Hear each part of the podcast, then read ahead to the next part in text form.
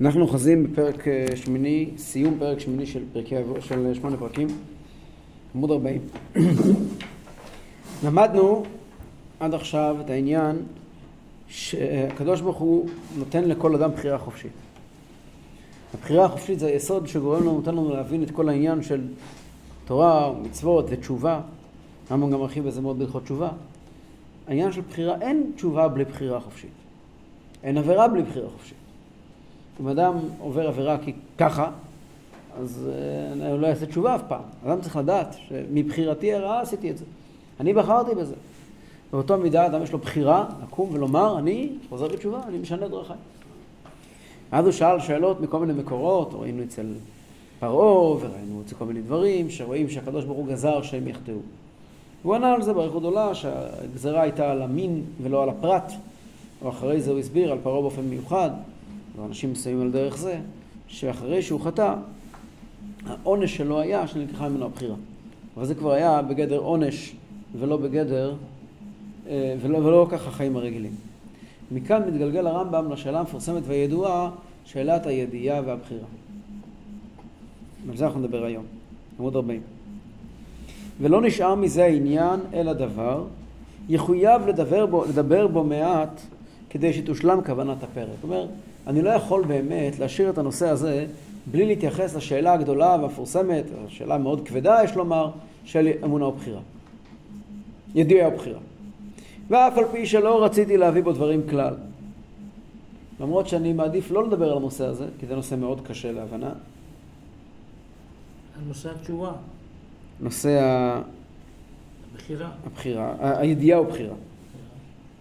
אבל כבר הביא הכרח לזה, והוא ידיעת השם העתידות. אני מוכרח להגיע לזה, מכיוון שאנחנו דיברנו על זה שהקדוש ברוך הוא יודע את העתיד.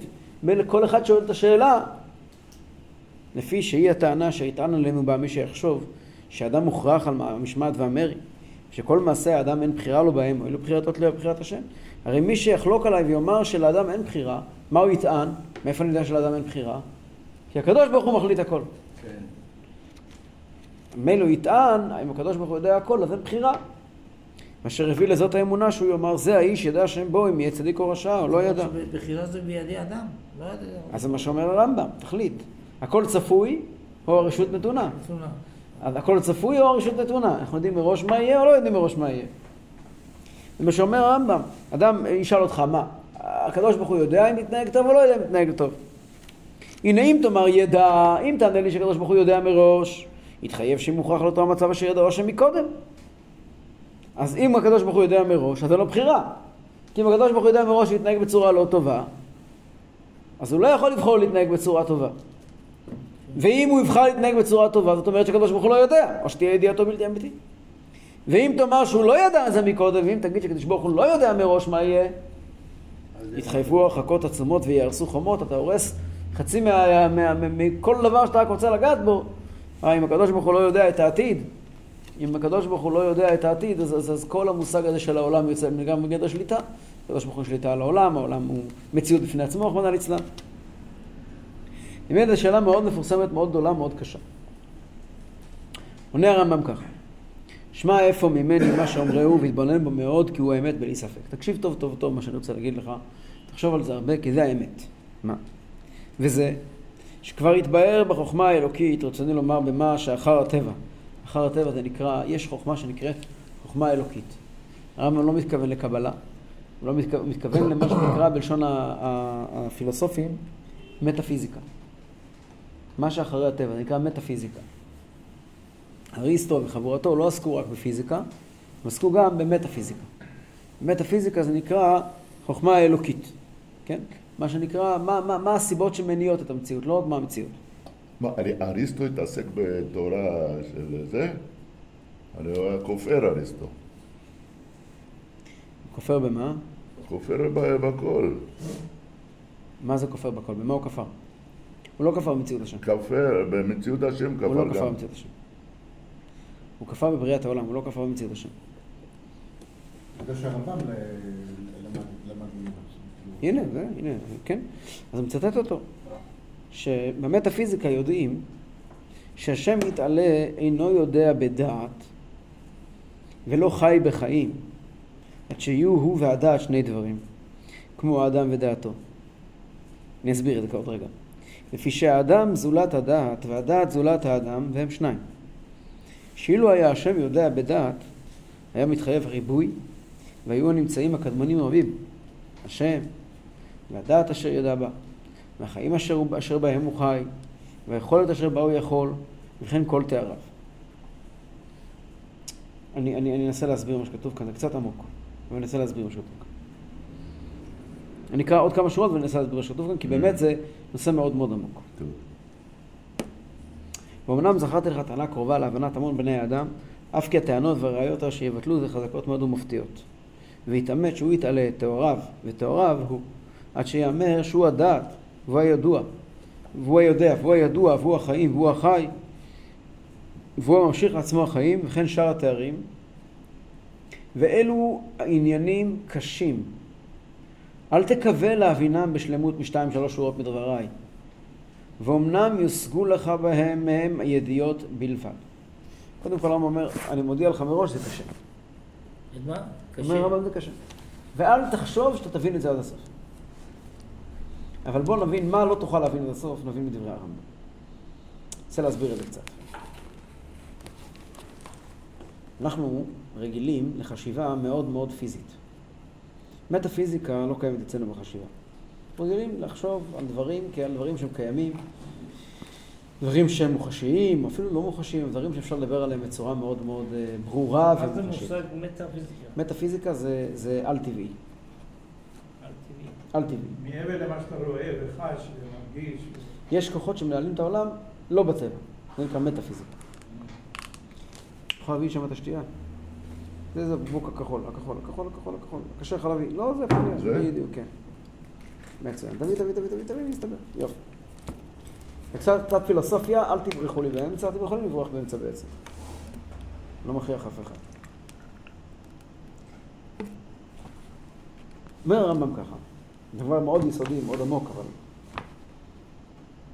אולי לפני שנלמד את זה נעשה הקדמה כללית.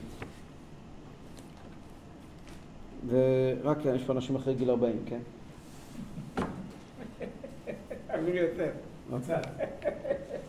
מה, מאיפה יודעים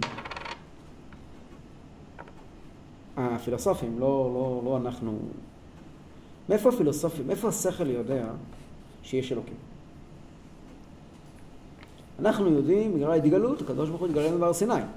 אבל מאיפה השכל יודע את זה? הרמב"ם הרי טוען שגם השכל יודע את זה, לא רק, לא רק ההתגלות מספרת לנו על זה, אלא גם השכל מספר לנו שיש אלוקות. מאיפה אנחנו יודעים שיש אלוקים? אה? אתה רואה את הדברים מוחשים. מה אני רואה דברים מוחשיים? כל הבריאה אתה כל רואה. הבריאה, נו. לא, לא בבריאה, אה, איך שהעולם מתגלגל. בוא נגיד, לא בבריאה אני לא יודע, אבל אני יודע שמשהו מתגלגל בעולם הזה באיזשהו סדר מסוים. יש, יש. משהו שמנהל את הסדר הזה. זאת אומרת, אתה אומר, אני רואה שיש יש מישהו מנהל, מארגן את כל הבלאגן הזה. זה עדיין לא, זה כולם יודעים. כן. לא צריכים בשביל זה להאמין באלוקים. בשביל זה מספיק להאמין שיש סיבה לכל דבר. הסיבה הזאת יכולים להיות הרבה סיבות. יש סיבה לזה ויש סיבה לזה. זה עדיין לא מביא אותנו לאמונה בכל אחד. אפשר להאמין בהרבה אלים. רגע, אבל אני רוצה לשאול שאלה. אתה אומר ש... לפני, לפני שאלה. טוב. אני- בואו בוא נתחיל, זה נושא עדין, טוב. נשלים אותו. אוקיי. מה הראייה, מה הביא אברהם אבינו והסביר לכולם על פי שכל שיש כל אחד? הוא אמר, אברהם אבינו, ניסה- מאיפה הוא ידע? הוא נגלה אליו, הקדוש ברוך. הוא. קודם נגלה כל, הוא אליו. ידע, קודם כל הוא ידע ואז נגלה אליו. הרמב"ם טוען, שיטת הרמב"ם, שאלו דברים שכליים לחלוטין. אגב, הרמב"ם מביא לו, הרמב"ם, אבל אחד- תלמידיו של הרמב"ם מביאים לזה ראייה שזה חייב להיות שכלי. והקדוש ברוך הוא לא יכול לבוא אלינו בטענה, למה אתם לא עובדים אותי כשזה לא שכלי. הקדוש ברוך הוא נתן לנו שכל, השכל זה כלי כדי להגיע לקדוש ברוך הוא. ומה הראייה, אני שואל אתכם, מה הראייה הכי מוכחת שיש לקדוש ברוך הוא בעולם?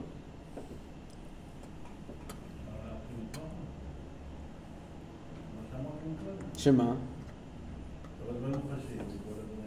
אז מישהו מנהל את זה, אבל, לא, אבל, בוא, לא, בוא, אבל למה אנחנו אומרים שזה אחד? בוא נשמע תשובה פעם אחת. למה אנחנו אומרים שזה אדם אחד, שזה מציאות אחת? אוקיי.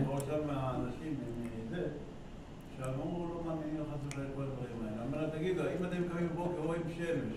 בערב מה, יש איזה עמוד, איזה מגדל, ואחד עם שאטר, מוריד, מוריד, מעלה, מוריד, מעלה, איך אתם לא מאמינים לדבר כזה ש... אוקיי, אז אני אענה לך, בוא, בוא נשמע. אני אענה לך לשאלה הזאת. היא- אפשר בקלות שמה. שיש אלוקים? יש סיבה לכל פרט, אפשר, יש ברוך השם, בלי סוף הסברים על כל פרט ופרט בבריאה.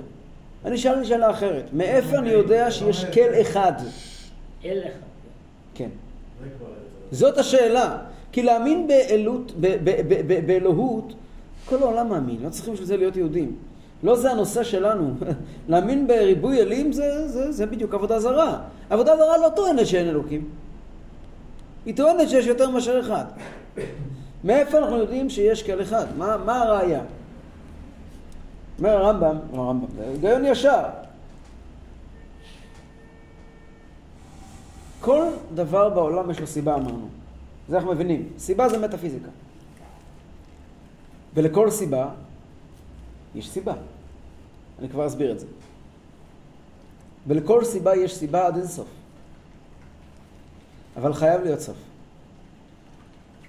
אתן דוגמה לדבר. אנחנו כעת יושבים פה בחדר ויש כאן שולחן. השולחן מורכב מפלטה ומרגליים. כל אחד יודע שמישהו עשה את זה. מאיפה אתה יודע שמישהו עשה את זה? אם לא, לא היה קיים פה. אה? אם לא... לפני זה הוא לא היה. מה לא היה? תסביר טוב טוב, בוא ניכנס לעומק. כולם אומרים את לא המשפט הזה. אלא מה היה? לא היה כלום. היה עץ, היה ברזל, היה זה. זאת אומרת שמה גורם לך להבין שמישהו בנה את זה? מישהו בנה את זה, מישהו... מה, חתך איזה, את תן לי זה. את המילה שהיא היא המפתח. מה גורם לך להבין שמישהו בנה את השולחן? רואים? מה רואים? מה? איזה פרט? את הייצור של השולחן. מה את הייצור? את המילה, תן לי את המילה, מילה אחת שמגדירה. מה חסר לי שמספר לי שהיה כאן יוצר? מילה אחת, הרכבה. הרכבה. הרכבה. העובדה שעצים גדלים ביער ומתכות נמצאים במקום של מתכות, מעפרות מתכת. מישהו הלך וחיבר יחד שני דברים שונים.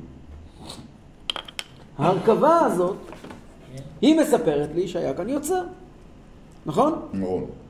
זאת אומרת, איזה פרט מלמד אותי שהיה כאן יוצר? ההרכבה. כמובן שגם את הברזל עצמו ייצרו.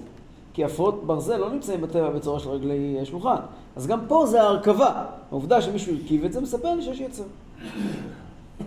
אם אני אלך הלאה, גם לעץ יש מורכב. הרבה מאוד פרטים. מישהו הרכיב את זה. אז גם לו יש מרכיב. מי מרכיב? אז כל דבר מספר לי שיש לו מרכיב. אני רואה ספר מודפס, אני, מישהו הרכיב, מישהו שם פה דפים, מישהו הדפיס, מישהו עשה, כן, הכל מורכב, כל מורכב מספר על מרכיב. המרכיב הוא גם מורכב,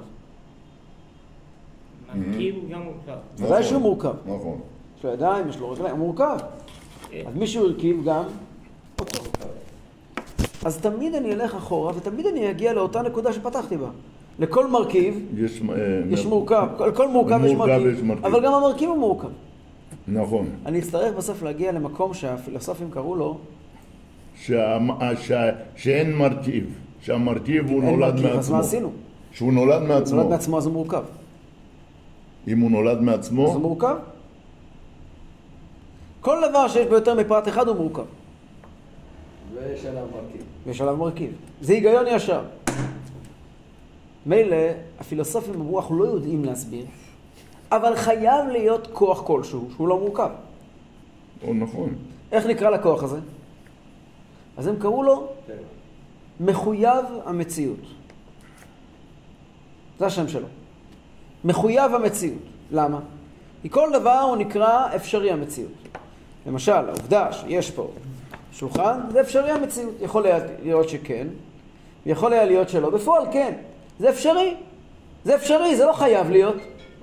כל דבר שהוא לא חייב להיות הוא אפשרי. יש דברים שמחויבי המציאות. ניתן דוגמה פשוטה מעולם המתמטיקה. 22 ועוד 22 שווה 44, ויש המון המון וריאציות. ו-21 ועוד 21 שווה 40 ו-42. אבל היסוד של המתמטיקה, 1 ועוד 1 שווה 2, הרעיון העקרוני, הפילוסופי, של המתמטיקה, של חיבור וחיסור והכפלה, זה רעיון שהוא מחויב המציאות בעולם המתמטיקה. הוא חייב להיות. מתוכו אתה יכול להרכיב כמה שאתה רוצה להרכיב, אבל הוא מחויב המציאות. יש פה איזשהו בסיס שאתה לא יכול לזוז ממנו. והוא אין לו מרכיב. ככה זה. מגיע, מגיעים הפילוסופים ואומרים, חייב להיות משהו שנקרא מחויב המציאות. והמשהו הזה, הוא חייב להיות אחד. למה הוא חייב להיות אחד? כי אחרת הוא גם מורכב. יפה. אם יש שניים, במה הם שניים? כי הוא נראה ככה, והוא נראה ככה. הנראה, נראה, אז הוא מורכב. כל דבר שהוא נראה, הוא מורכב. אם הם זהים לחלוטין, אז מה? אם הם זהים לחלוטין, הם לא שניים. אבל הם שניים. למה במה הם שניים? כי כל אחד נמצא במקום אחר. מקום מרכיב אותם. גם מקום זה הרכבה. למה הוא פה ולא שם? מקום זה הרכבה, זמן זה הרכבה. כל דבר מורכב. אין, מחויב המציאות זה משהו שהוא אין לו שום הרכבה. ממילא הוא לא, הוא לא תלוי זמן, הוא לא תלוי מקום, והוא יכול להיות רק אחד. אחרת הוא מורכב גם כן. זה מה שהפילוסופים קראו מחויב המציאות. יש לו עוד שם? ידיעת השלילה. מה זה, כאלה נקודות במורה נבוכים. מה זה ידיעת השלילה? כל דבר ודבר שאנחנו מדברים עליו, אנחנו יודעים אותו באופן חיובי. יש כאן בקבוק, יש כאן שולחן. אני יכול לספר לך מידע חיובי. מה אני יכול לספר לך על מחויב המציאות? אני יכול לספר לך עליו רק מידע שלילי. מה אין בו? נכון? אני לא יכול להגיד לך מה יש בו. אני יכול להגיד לך רק, כי אם אני אגיד לך מה יש בו, הוא מורכב. אני יכול לספר לך רק מה אין בו. לכן הוא נקרא גם ידיעת השלילה. אוקיי? עד כאן יסודות פשוטים ממורה נבוכים. זה הרמב"ם קורא לזה מצוי ראשון, שהוא ממציא כל הנמצא. עכשיו, אותו מצוי ראשון שממציא כל הנמצא, לא יוצר דברים מחוץ אליו, כי אם הוא יוצר דברים מחוץ אליו, פשוט, יש פה שוב פעם הרכבה. כשהוא מרכיב, אם הוא מרכיב משהו, אז הוא מורכב. אז הוא מורכב. לא רק שהוא לא יכול, הוא גם לא יכול להרכיב. כי אם הוא מרכיב, זאת אומרת יש אצלו לפני ואחרי ובאמצע, אז יש פה ממד הזמן ויש גם ממד המקום, כי הוא מרכיב משהו שהוא חוץ אליו. אז שוב פעם הוא מורכב. זה לא יכול להיות. אז חייב להיות שמבחינתו כל ההרכבה היא חד צדדית, היא רק הרכבה כלפינו וכלפיו היא לא הרכבה. כלומר, הוא, הוא, הוא, הוא, בעיניים שלו הוא לא רואה הרכבה. בעיניים, אין לו עיניים, אבל כן? ב, ב, ב, רק אנחנו נמצאים באיזושהי תודעה מסוימת שנותנת לנו לראות הרכבה, אבל באמת הכל פשטות, הכל, הכל מופשט, הכל, הכל אחד, הכל זהו, אין עוד מלבדו. זה נקרא, בלשון הרמב"ם, בידיעת עצמו יודע כל הנמצאים. מה פירוש? אם אנחנו מדברים על זה שהוא יודע עתידות, הוא יודע עתידות. אז יש עתידות, יש הוא, והוא יודע עתידות. זה כבר שלושה פרטים. שוב פעם הגענו להרכבה. אלא אומר הרמב"ם, חייבים לומר עליו, לשון הרמב"ם המפורסמת שמופיע פה, מופיע גם במורה ב- בספר המדע, הוא היודע והוא הידוע והוא הדעה עצמה, הכל אחד. זאת אומרת, אין לנו דרך להבין את זה. הרמב"ם אומר, אנחנו לא יכולים להבין את זה, אל תקווה להבינם בשלמות משתיים, שלוש שורות בדבריי. אבל האלוקות והידיעה, זה לא ידיעה כפי שהיא מתפרשת אצלנו. הידיעה באלוקות, אנחנו יודעים ידיעה כאינפורמיישן. כי זה קדוש ברוך הוא אין אינפורמיישן.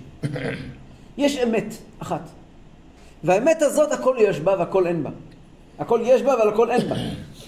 ממילא אין יחס בין המציאות כפי שהקדוש ברוך הוא רואה אותה לבין החיים שלנו. אז אתה שואל אם הקדוש ברוך הוא יודע הכל, הוא יודע הכל. הכל בכל מכל, הכל הוא יודע, הכל אפשר, הכל קיים. והכל הוא יודע באופן של שלילה, לא באופן חיובי, והוא והידיעה שלו זה אחד. אין לנו שום הבנה בזה, שום השגה בזה. בעולם של הקדוש ברוך הוא, הקדוש ברוך הוא יודע הכל. בעולם שלנו, אנחנו מחליטים לבד.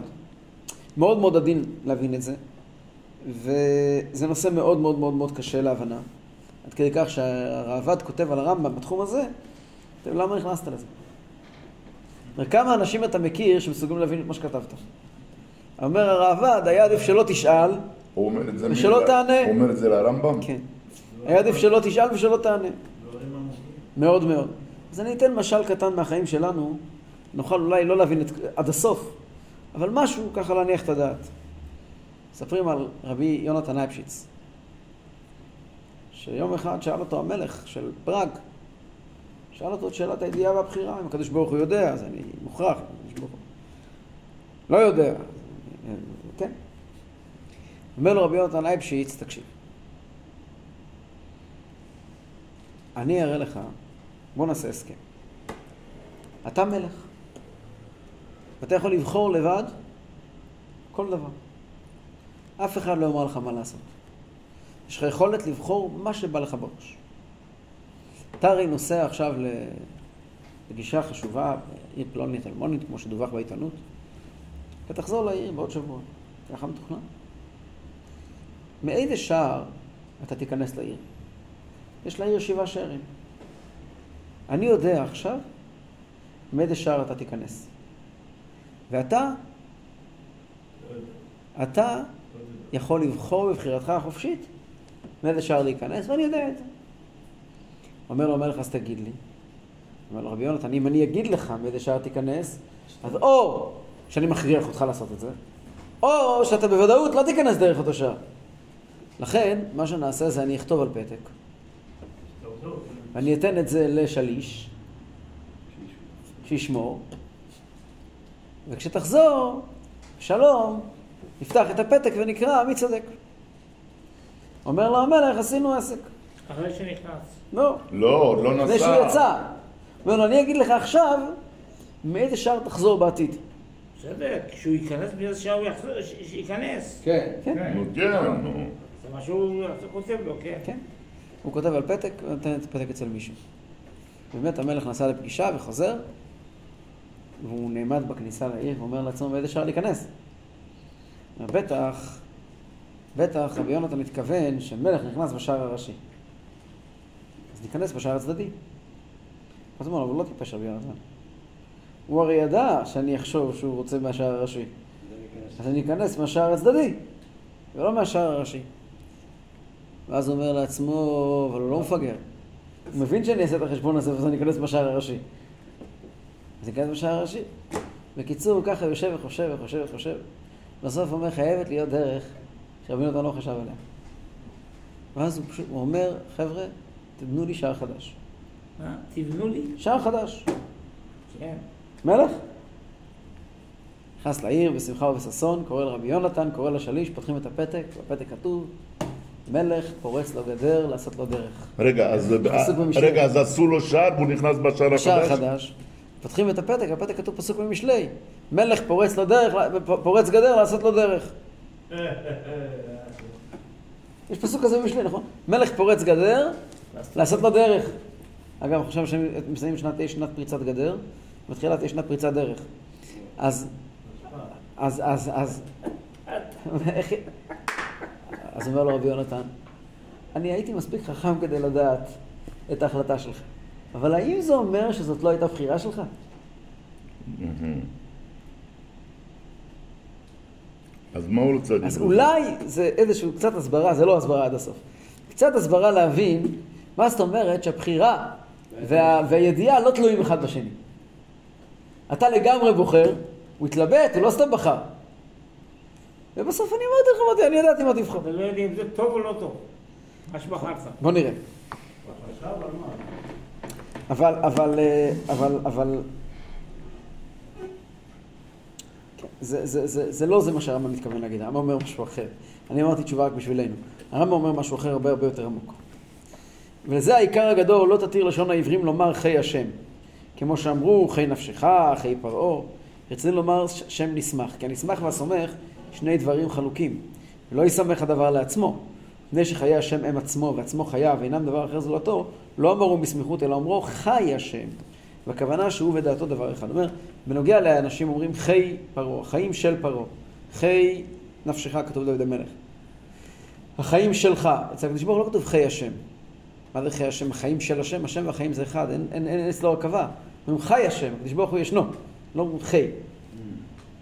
בהתבהר גם כן במה שאחר הטבע, גם נאמר בספרי המטאפיזיקה, עמוד 41 מצד ימין למטה, שאין יכולת בשכלנו להקיף מציאותו יתעלה בשלמות. אנחנו לא יכולים בכלל להבין אותו. זה הפירוש, מה שאמרנו, ידיעת השלילה. וזה לשלמות מציאותו וחסרון שכלנו, מכיוון שהוא השלם המוחלט ואנחנו קטנים וחסרים. ואין למציאותו סיבות שיוודע בהן. אנחנו לא יכול... הוא, אין לו סיבות. הוא הרי מצוי ראשון. כל דבר יש לו סיבות, הוא אין לו סיבות. מילא, אנחנו יכולים להבין דברים טוב טוב כיוון שיש להם סיבות, מבינים כל דבר איך הוא נוצר, אבל אותו לא נוכל להבין. ושקיצור שכלנו מהשיגו כקיצור אור הרעות מהשיג אור השמש. כמו שאור הרעות, אור העין, לא יכולה להשיג את אור השמש, אנחנו לא יכולים להשיג אותו. שאין זה לחולשת אור השמש, לא בגלל שהשמש היא חלשה לכן אי אפשר להבין אותה. אלא להיות זה האור יותר חזק מן האור אשר ירצה להשיגו. הסיבה שלא מבינים את הקדוש ברוך הוא זה לא מכיוון שזה קשה, לה...